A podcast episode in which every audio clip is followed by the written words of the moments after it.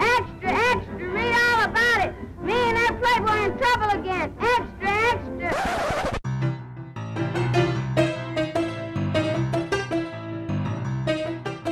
Hej allihopa och välkomna till ett nytt avsnitt av podden En rolig historia. Mitt namn är Linus Holt Lorentzon. Jag heter Johan Vegas Lindvall. Den här veckan har vi bestämt oss för att fördjupa oss i, eh, vadå Johan? Vi ska tala kannibalism idag. Ja! Det, det känns lite spöklikt över det ämnet. Det kommer vara jäkligt svårt att, att göra det här roligt känner jag. Det säger möjligtvis lite någonting om båda oss två, för jag har, jag har inte tänkt den tanken. Jag har suttit och tänkt att det här var ett ganska mysig efterforskning. Ja, okej, okej. Vi kanske tittade på helt olika saker, vilket i sig kan vara rätt intressant. Möjligtvis har vi tittat på exakt samma sak och det, då kommer vi få veta någonting om mig om inte annat. Ja, det blir kul. Vad är kannibalism Johan? Okej. ehm, kannibalism generellt sett har att göra med att en art äter delar av eh, eh, samma art som den tillhör. Ja. I det här fallet då kommer vi väl troligtvis fokusera på eh, människor som har eh, varit, ja, betett sig på det viset. Så Linus, när börjades det här i, i för människor? Alltså rent historiskt så har inte jag kunnat hitta någon riktig början på det här. Alltså det, det går, det går så långt bak som, alltså som jag har kunnat hitta. Så jag, jag tänker att vi har nog, på något sätt har det nog det här alltid förekommit. Ja. Det har väl aldrig varit normen överallt, men som i de flesta arter så tror jag alltid att det har funnits människor som av en eller annan anledning har ätit andra människor. Och det, det finns ju, man har hittat många eh, exempel på, eller många ska jag inte säga, men det, man har hittat definitivt exempel på när det här har inträffat. Eh, Mm. Även för, för jättelänge sedan. Och det, även, även neandertalare och sånt har man ju hittat eh, eh, vissa bevis på att de eventuellt kan ha praktiserat kannibalism. Precis. Så det finns ju väldigt långt tillbaka i tiden. Och eh, det, det som är intressant då tycker jag är att eh, ställa frågan, men varför? Alltså jag, jag ska börja med att säga som en liten cliffhanger till, till nästa mening. Att Ja. Jag var mycket mer emot det här när vi började. Alltså när jag började kolla upp det. Ja, ja. In, in, jag är inte mer benägen nu att, att ehm, äta en, en människa, men Mm. jag har en förståelse för varför det sker och har skett. Mm. Mycket mer än vad jag hade eh, när jag började liksom fördjupa mig i det. ja. Och det jag, jag gillar när sånt händer, jag gillar när man, eh, när man, Man blir lite motbevisad växer sina... som människa på något Man vis. växer som människa Ja, när man det börjar är fint. äta andra. Uh, jag, jag, ska, jag ska slänga ur mig första och vad jag tror är den mest uppenbara anledningen, eller vad jag hoppas är den mest uppenbara anled- anledningen. Eh, Mm. det är vid nöd och svält. Kanske den mest förklarliga anledningen, alltså den mest försvarbara anledningen i vårt Och- och- samhälle. ja, ja, men den som vi idag tror jag har lättast att identifiera oss med. Det här moraliska dilemmat att ja, det, det, jag kommer dö om jag inte gör det här. Ja. Ehm, alla har ju sett, eh, alla hoppas jag har sett eh, filmen Alive baserad på, på eh, flygplanskraschen i Anderna. Där, Mm. där det, människor ställdes inför detta val. Och det har ju skett vid många tillfällen. Men det kommer vi säkert tillbaka till. Är det många gånger, många tillfällen som plan har kraschat i Anderna? Och folk har tvingats äta? Ehm, Jag vet inte, det finns Se, ett, ett nu- välkänt nu- sådant. Nu fick du lite rätt, för nu försökte jag göra ett skämt av det där, och det gick inte alls bra. Jag märkte själv när jag försökte skämta om den här kraschen att jag mådde lite dåligt samtidigt som jag sa det. Det är ett jävla minfält det här ämnet. Det som är intressant och som är väldigt svårt att bevisa, men som jag kan tycka hade varit väldigt intressant, det är att veta när den punkten kommer för olika människor. Mm. Det, Om vi, säger, om, om vi säger att du och jag skulle krascha i ett flygplan i Anderna du nu och jag skulle dött. Mm. Hade det tagit två veckor innan du började äta mig eller hade det varit en sån här 15 minuter har gått Jag är lite hungrig alltså Ja, men precis. Jag åt Det- en jävligt lätt frukost i morse. Eller hur? Fan, jag skulle, ju- jag skulle ätit något annat än bara gröt alltså. precis. Jag har hittat två stycken typer av kannibalism som står lite i motsats till varandra. Det är endokannibalism och exokannibalism. Ja, precis. Eh, exokannibalism är ju i, i, i det här sammanhanget då kannibalism som har ett utåtgående syfte, till exempel att typ hota andra eller verka skräckinjagande eller ehm, något i den stilen.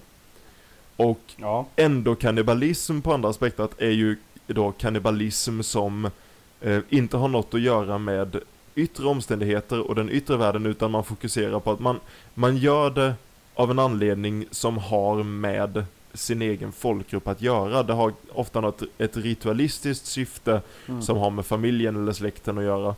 Alltså det, det är kopplat, känner jag väldigt mycket till att du har en bristande idé om hur medicin fungerar och hur kroppen fungerar. Mm.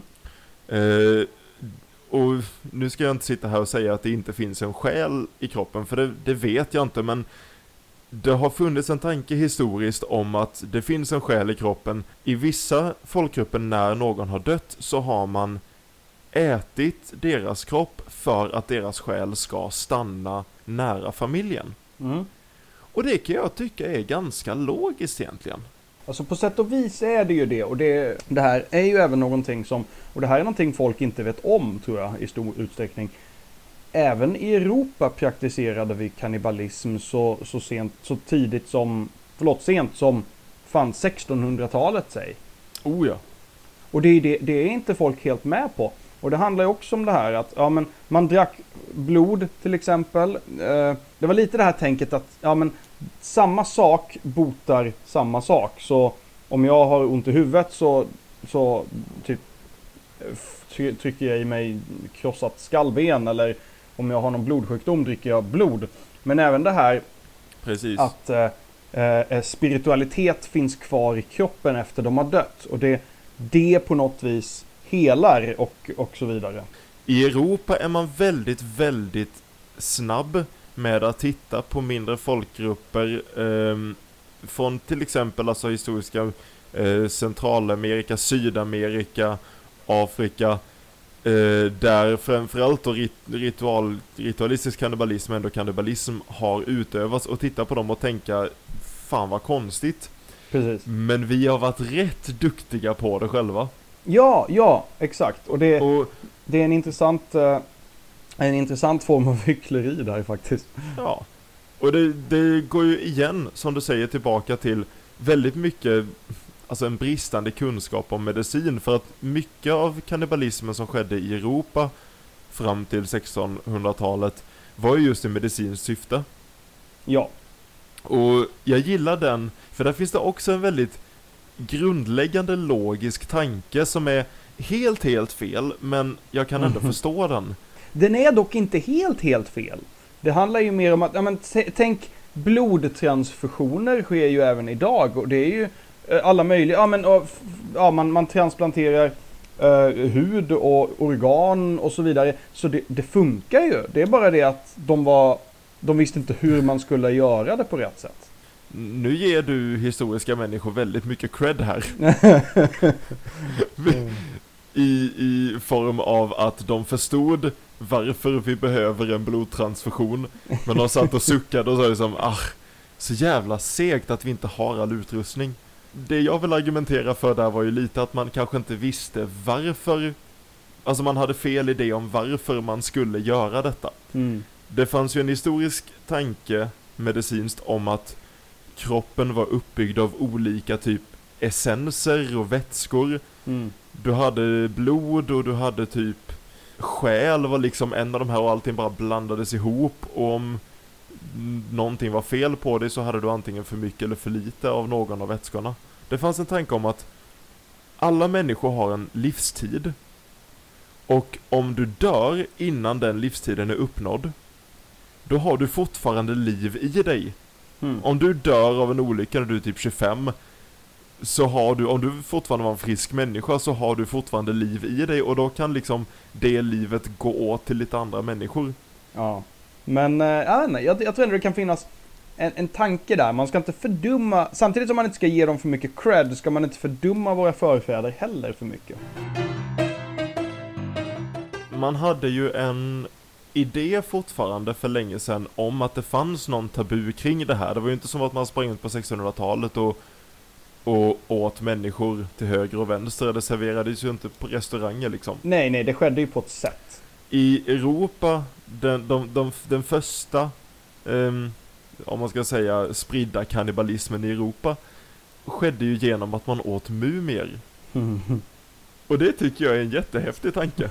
ja. Och jag, jag har suttit och funderat på varför man just vände sig dit. Varför just mumier? Det fanns ju den här tanken om att, eh, ja som du säger, samma sak botar samma sak. Har du Ja. ont i huvudet, ät skalle. Ät krossad skalle. Och det verkar ha funnits någon liksom tanke om, i och med att man inte visste man visste att det fanns mumier, man visste inte varifrån, alltså hur de hade balsamerats, hur de hade preserverats så länge. Så det fanns någon mystik kring det liksom. Och någon, någon tanke om magi över hur de hade bevarats så Mm. länge. ja. Eh, som då hade kunnat ha, skulle kunna ha en helande kraft. Och sen troligtvis också att det liksom Ja men det, en, en människa som, en mumie som har varit död i 3000 år ser inte helt ut som en människa. Nej. Det är nog ganska, alltså jag kan tänka mig att det är ganska lätt att lura sig själv att det här är inte människokött egentligen. Ja, ja, ja, säkert. Alltså det, det, fin, det finns något sätt man kan eh, eh, rättfärdiga det för sig själv. Liksom. Det har gått Mm. så pass lång tid och de är så pass annorlunda att eh, det, ja, det, blir, det blir inte riktigt samma sak. Om du hade fått möjligheten, hade du testat att äta en, eh, en bit av en mumie? Ja, det hade jag nog. Alltså jag med! Jag hade helt ärligt varit intresserad av hur, nu kommer det här låta jätteskevt här, men, men, men hur människokött faktiskt smakar överlag. Men ja, alltså för, för att svara på din fråga. Jag, jag, eh, jag vill tro att jag hade gjort det.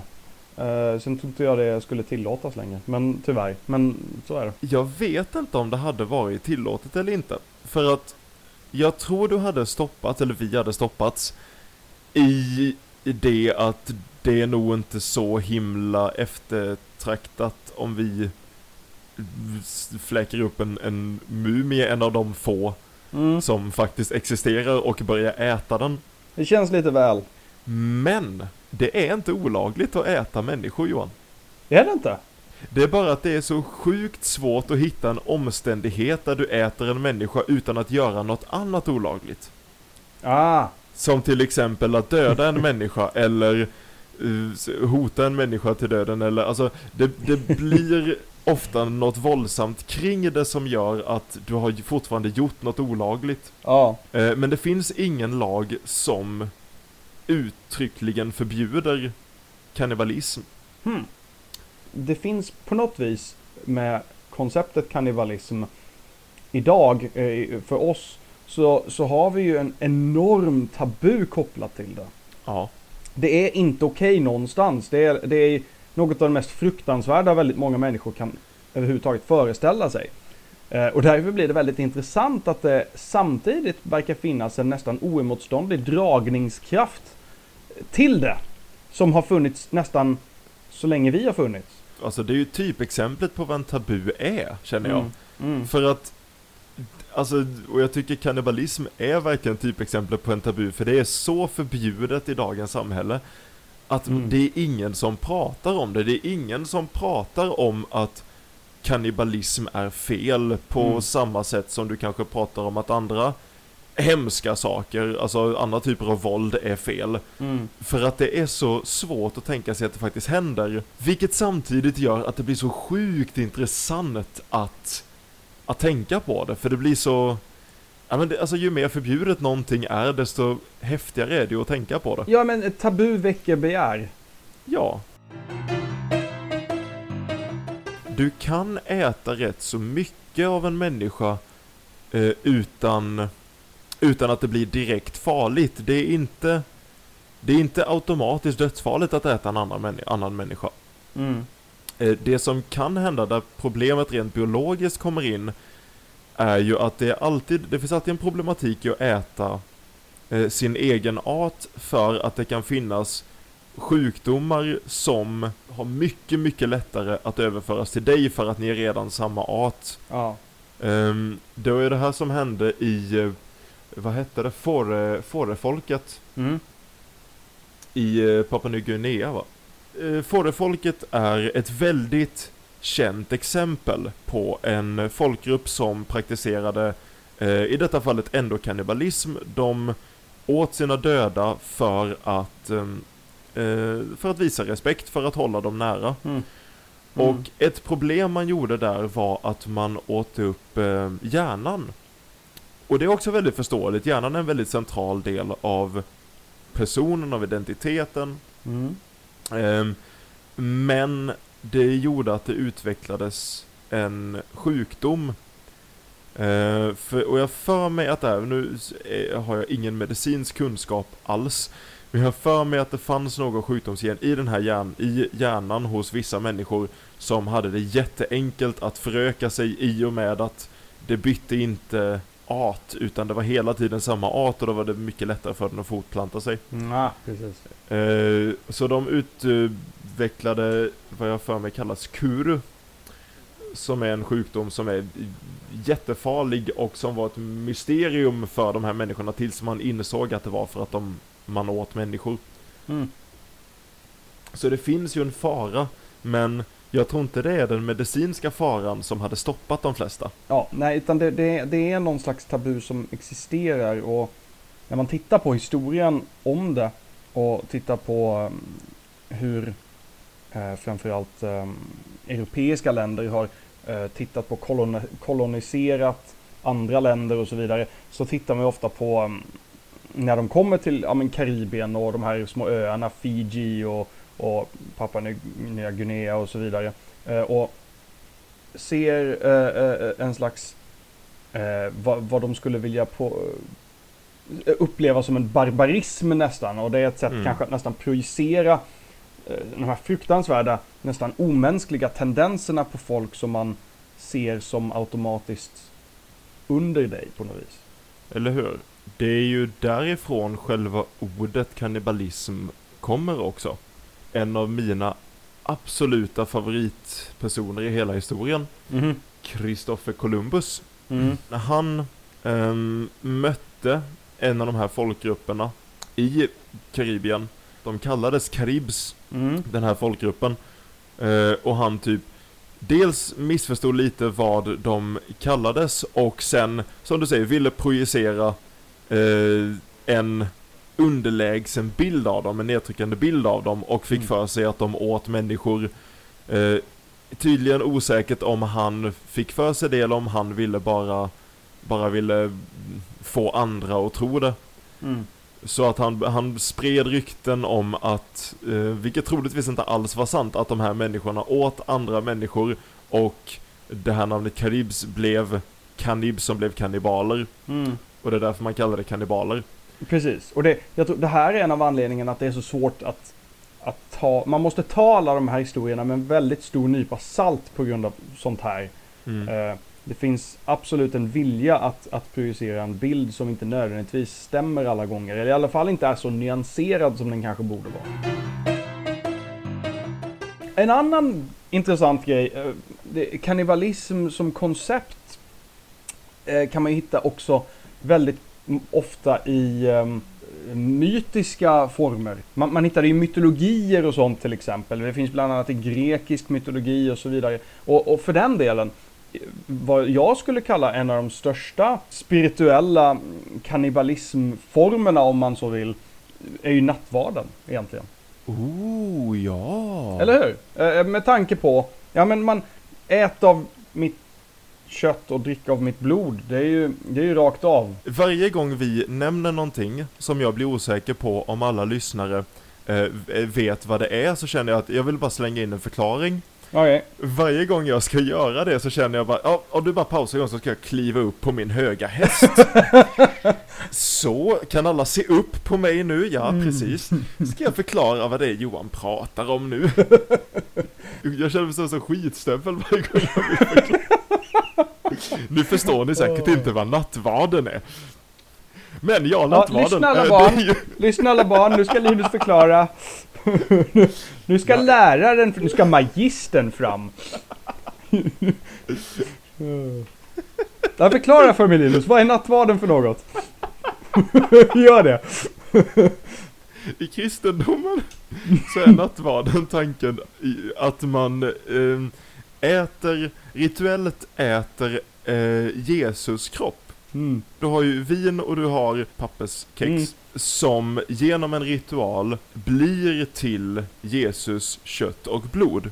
Någonstans så skulle jag ändå vilja påstå att man praktiserar en form av rituell, spirituell kannibalism i form av nattvarden. Och där är det ju helt, alltså inom den eh, situationen och den kulturen så är det ju helt tillåtet. Ja men det, det är ändå någon slags normaliserande av en typ av beteende. Och det här, här kommer vi även in på det vi talar om endokannibalism. Att vi äter någon för att vi älskar dem och vi vill ha dem med oss. Och, och på något vis när vi äter av dem så blir de en del av oss och vi en del av dem. Vi kan koppla det lite till vad vi pratade om från början. Det här är nog ganska definierande för varför man gör det. Låt oss säga att det finns tre huvudsakliga anledningar då, om vi ska på något vis koka ner det här till någon form av hypotes kring det hela. Först och främst nödsituationer. Vi har ja, men, skeppsbrott och, och, och vi har folk som går vilse i, i skogen eller i, i, i vintern eller vad som helst. Och det, det är nöd. Du måste äta för att överleva. Två så har vi den här exokannibalismen som du tog upp innan där man på något vis använder det som ett sätt att förnedra och att, att eh, eh, visa hur överlägsen jag är och eventuellt till och med få din motståndare styrkor motsvarande sådana saker. Eller hur? Eh, Men det är ett väldigt aggressivt och ett väldigt, ett väldigt påtvingande sätt att eh, eh, använda det på. Och den sista då, endokannibalism, att man på något vis gör det istället för att eh, skada någon eller att förnedra någon, snarare för att uppskatta dem. Så på något vis så täcker ju det här hela jäkla spektrat av, av, av, mänsklig eh, interaktion känns det som. Ja, Så det är ju väldigt eh, hårt ingrott i vårt eh, medvetande på något vis. jag tycker det här kan bli en, en bra avslutande diskussion. För att det finns någonting som jag har insett, en typ av kannibalism som fortfarande pågår till och med i Sverige. Mm. Som du vet så eh, kommer jag snart bli eh, far. Mm. Och många av delarna som, som sker i att förbereda sig till att bli pappa är man beredd på.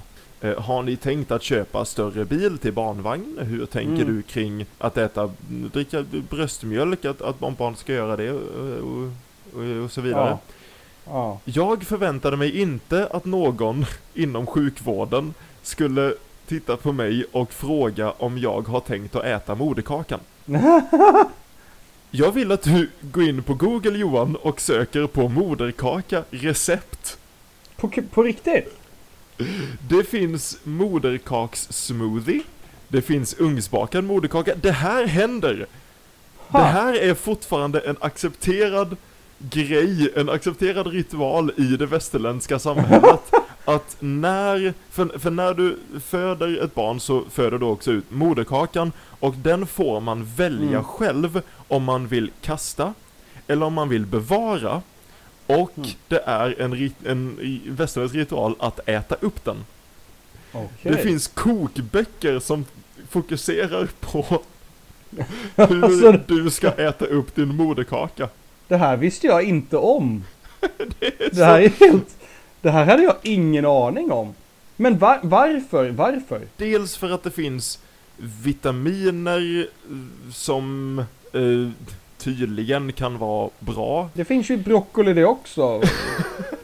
jag vet inte varför det ena är att föredra över det andra. Men det, andra grejen, alltså tror jag vi är tillbaka på endokannibalism. Alltså det handlar om att det här är något som har varit en länk mellan en mamma och ett barn, det har livnärt barnet Mm. och att man då ska behålla den på något sätt genom att äta upp den, Ja. göra smoothie på den. Alltså det, när du säger det så är det exakt samma sak. Fan, Linus, vad sa du då? Vad fan tror du? Jag tänker inte äta någon jävla moderkaka. Ja, okej, fine. Om jag hade tänkt tvärtom och eh, tagit med mig den hem, gjort smoothie på den och kommit upp till dig i Stockholm, hade du smakat? Alternativt om jag säger, inte säger vad det är, låter dig smaka och sen berättar hur arg hade du blivit?